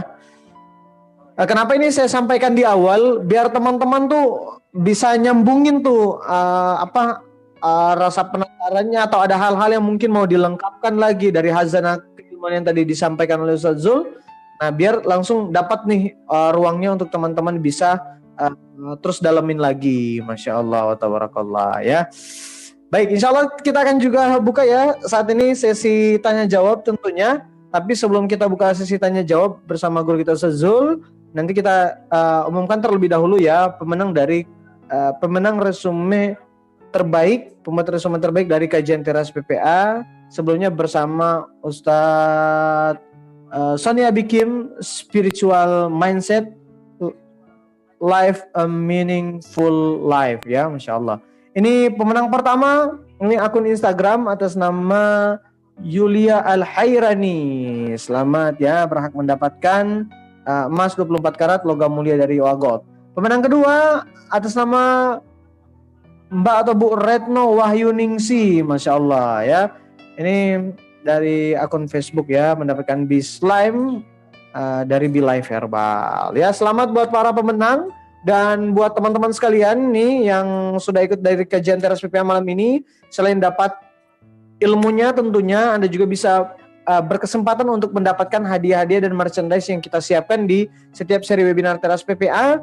Tinggal ikuti challenge-nya ya, dapatkan uh, hadiahnya insya Allah gitu ya. Nanti Mas Amin juga biasanya uh, set di kolom chat. Nah, buat teman-teman nih yang tanya-tanya tentang uh, e-course HMT tadi ya, uh, Hard Mastery Training tadi, silakan ada uh, nomor admin yang ada juga untuk lebih lengkapnya langsung ke spiritual uh, speaker academy.com. Masya Allah, tabarakallah. Insya Allah mudah-mudahan kita bisa uh, akses lebih dalam juga uh, ilmu-ilmu yang disampaikan oleh Ustaz Zul tadi ya.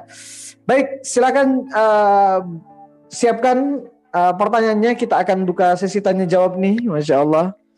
Tapi tentunya tadi udah benar-benar benar tuh menghujam ke dalam hati dan mengguncang jiwa, masya Allah.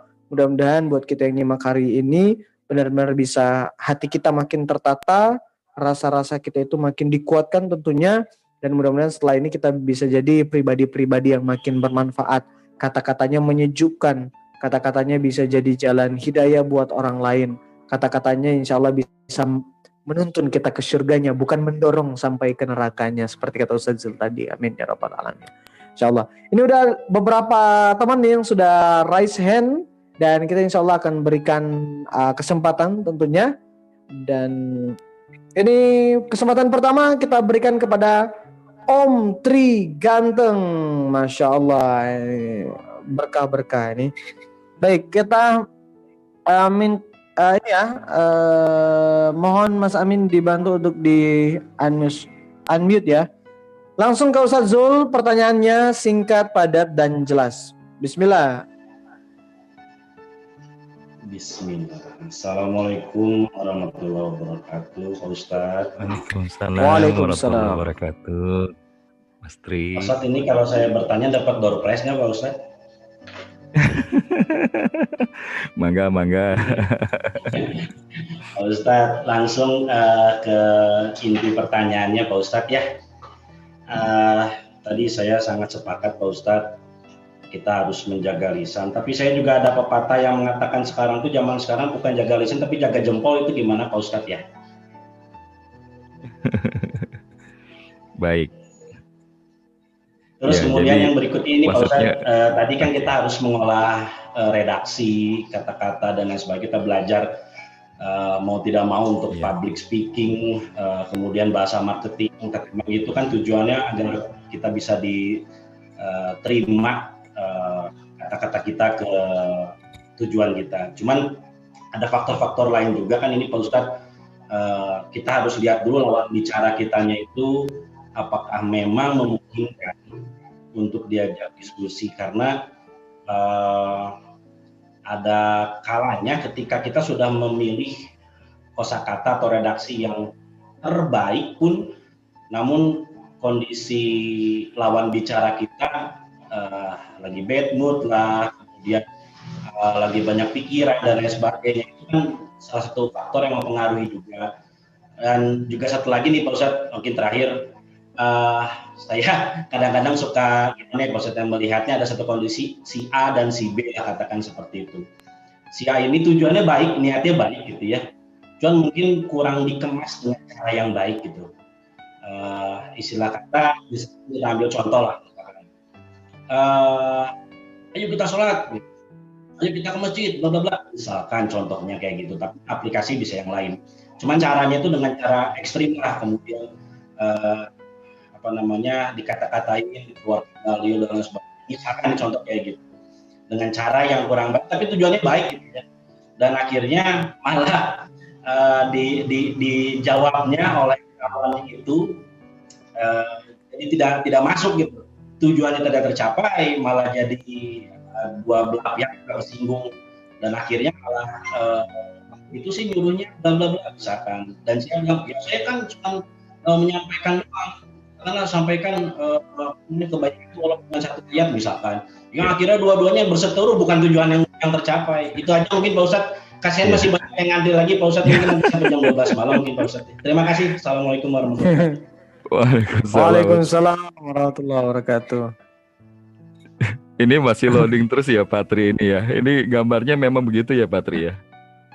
Ini posisinya loading masih 50% ini. Baik. Ya jazakallah khair. Jadi yang pertama kaitan dengan jempol itu sama sebagaimana lisan kita. Hari ini eh, apa yang kita ucapkan baik dari lisan kita atau yang kita tuliskan ini semua akan diminta pertanggungjawaban oleh Allah. Al-yauma nakhtimu afwahihim wa tukallimuna wa. Ya, akan datang satu hari di mana lisan kita itu nanti akan dikunci, tapi kemudian tangan-tangan kita akan bersaksi, eh, kaki-kaki kita juga akan bersaksi di hadapan Allah Subhanahu wa taala. Maka oleh karenanya ada satu materi pernah diminta oleh uh, sahabat-sahabat di Kementerian Hukum dan HAM saat itu uh, untuk disampaikan terkait dengan fikih bersosial media.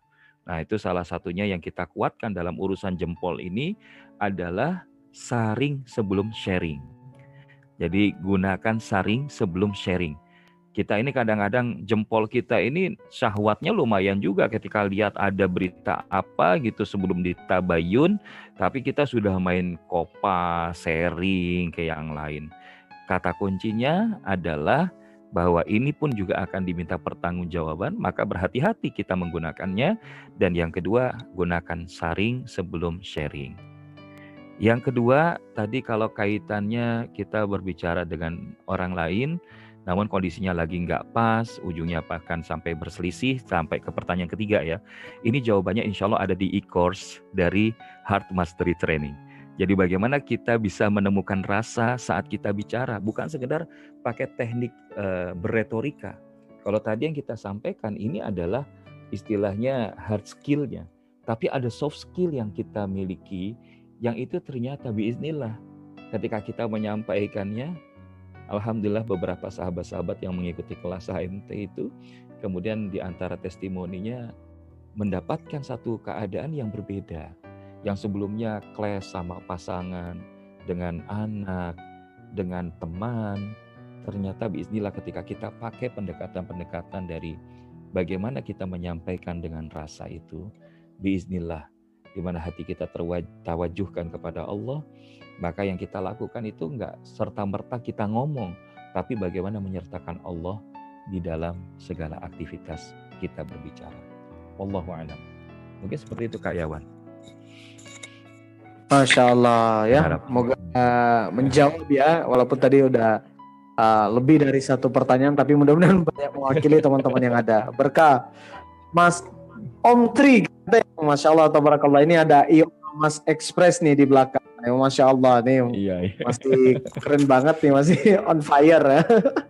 ya Mas Express, Masya Allah. Baik, ini juga ada satu sambil kita ini ya uh, beberapa pertanyaan, tapi di chat yeah. ini iya. udah ini chat nih Tat dari Rumah Quran PPA Pagar Alam ini Mbak. Ya, sih katanya kita yeah. tadi ada sempat yang disampaikan itu Tat bahwa uh, sebisa mungkin untuk jangan menggunakan kata jangan tapi di beberapa kondisi Rasul itu bahkan bilang latah misalnya lah tahdov walakal jannah atau seperti apa, apa kata-kata hadis-hadis atau ada inilah yang mengatakan bahwa ada jangan jangan gitu. Gimana itu Tat?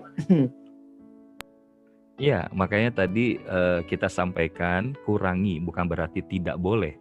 Kurangi menggunakan pilihan kata jangan atau tidak kecuali memang dalam uh, sesuai proporsinya Nah, yang dilakukan oleh Nabi ini sudah sangat sesuai proporsinya. Ketika sahabat yang datang itu kan uh, asbabul wurudnya adalah seseorang yang punya kebiasaan marah. Artinya Rasulullah tahu nih bahwa yang datang ke sini ini adalah seorang sahabat yang pemarah karakternya. Maka ketika dia tanya, "Ya Rasulullah, berikanlah nasihat kepadaku, la taghdab." Lalu apa lagi Rasulullah? La taghdab. Jangan kau marah. Lalu apa lagi Rasulullah? La taghdab. Dan itu cukup karena apa? Memang itu yang memang to the point. Nah, yang nggak boleh itu yang seperti apa? Misalkan gini, kita ingin membangun hal positif dari anak kita. Misalkan anak kita itu masih, mohon maaf ya, pada saat uh, tidur malamnya itu masih suka ngompol. Nah, terus kita bilang, kamu tidur yang benar ya, jangan ngompol lagi. Mama udah capek, apa namanya bersihin uh, kasur dan lain sebagainya gitu. Dan ketika dibilang jangan ngompol lagi itu, Bukan nggak mungkin, malah alam bawah sadarnya itu masuk, dia akan ngompol lagi gitu. Nah itu jadi kayawan. Jadi dudukan jangan atau tidak itu tergantung proporsinya. Kalau memang dia eh, dalam posisi yang uh, seharusnya, why not gitu. Sebagaimana contoh Rasulullah, sehingga kita tidak menyalahkan Rasulullah bahwa Rasulullah menggunakan kata-kata jangan tadi la tashrabanna ahadukum qaiman, jangan engkau minum dalam keadaan berdiri. Bahkan anak-anak di rumah itu ketika TK itu salah satu hadis yang dia bawa pulang waktu dalam kondisi uh, tidak pandemi itu. Ya ketika lihat abangnya minum sambil berdiri bang kak ade dapat uh, apa namanya pelajaran di sekolah la tasrobana ahadukum ima gitu ya. Dan itu ternyata uh, menarik. Nah jadi uh, yang kita maksudkan di sini adalah dalam hal-hal tertentu kita bisa menggunakan pilihan kata jangan atau tidak mencontoh kepada Rasulullah namun di dalam hal-hal lain kita bisa memilih diksi-diksi lain namun kalau memang menurut kita pada saat itu lebih tepat menggunakan kata jangan atau tidak, maka gunakan. Jadi bukan berbentuk sebagai sebuah larangan, kecuali merupakan bagian dari pilihan. Kalau kita bisa kurangi, itu akan jauh lebih baik daripada kemudian kita menggunakan pilihan kata tersebut. Wallahu a'lam. Masya Allah ya. Wah, mudah-mudahan dapat banget poinnya ya dan memang kita juga di apa beberapa kali ngisi parenting memang ini juga sering ditanyakan dan apa yang disampaikan oleh Ustaz juga tadi itu satu studi kasus juga di apa dalam hal-hal pengasuhan gitu.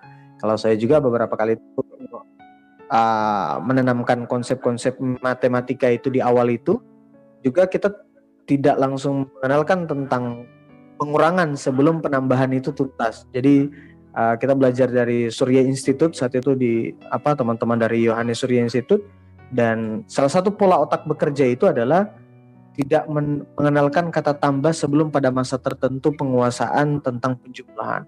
Dan ternyata benar banget dalam sains sains pun itu ada waktu-waktu tertentu untuk memasukkan pemahaman tentang negasi dari satu hal yang baik gitu. Ya, jadi ini sebenarnya sudah sudah sudah sangat sangat uh, jelas ya. Jadi tinggal menempatkan kata Ustaz tadi itu sesuai dengan tempatnya. Masya Allah.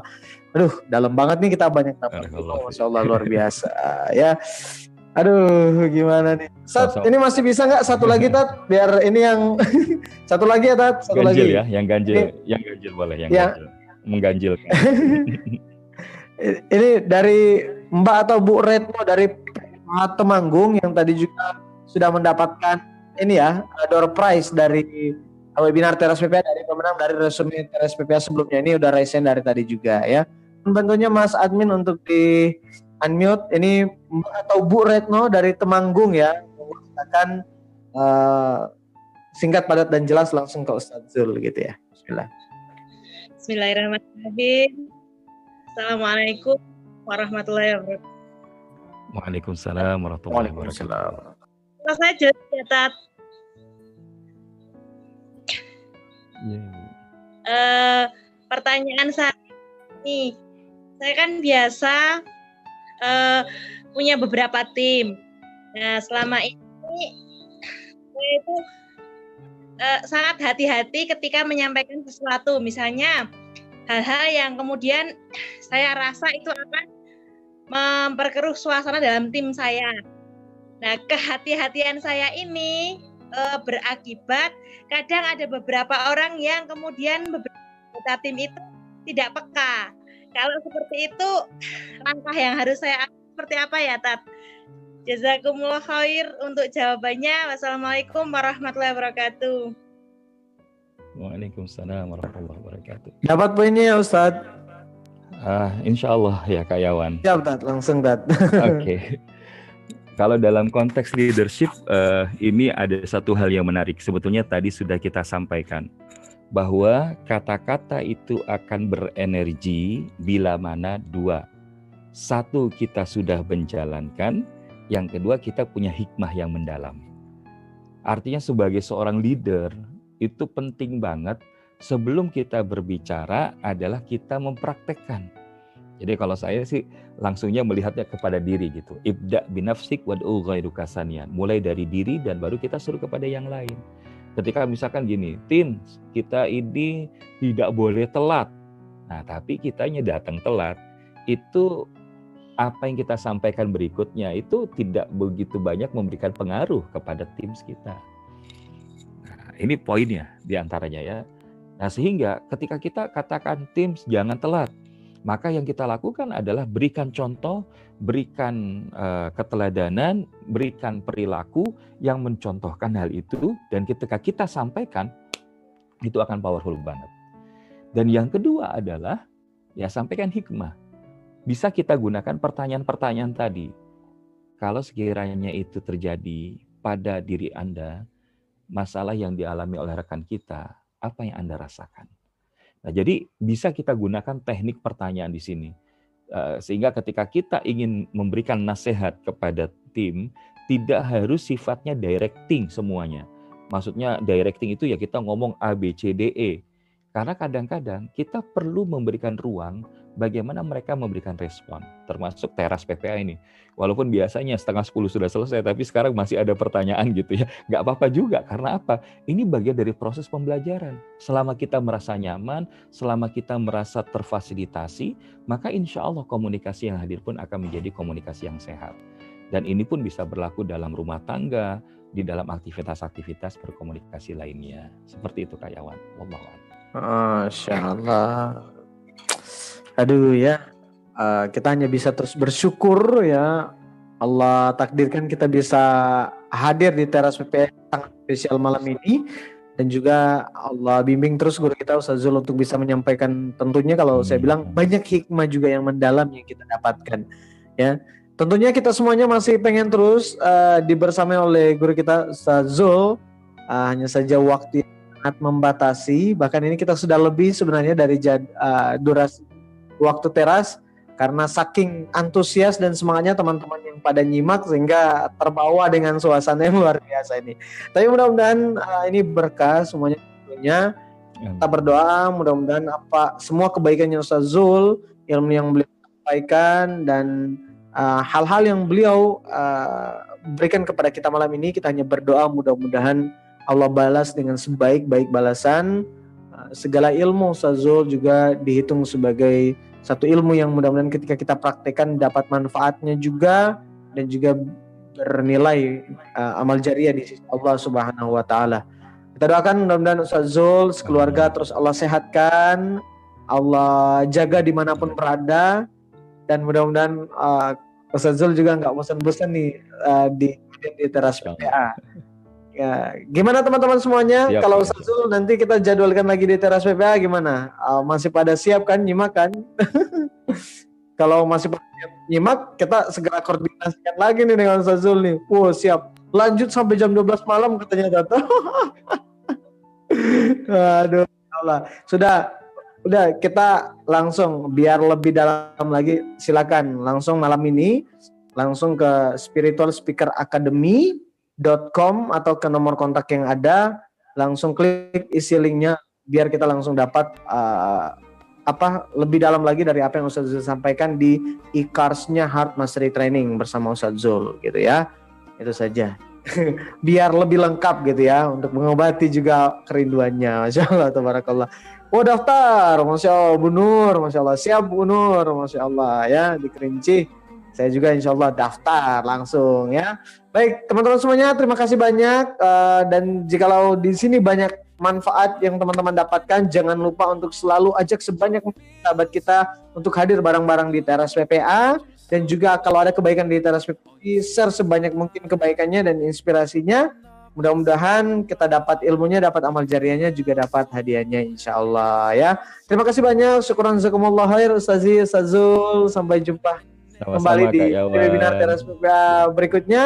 Terima kasih banyak untuk sahabat dan teman-teman sekalian. Kita tutup dengan doa kafaratul majelis. Subhanakallah wa bihamdika asyhadu an la ilaha illa anta wa nastaghfiruka wa atubu ilaik. Assalamualaikum warahmatullahi wabarakatuh.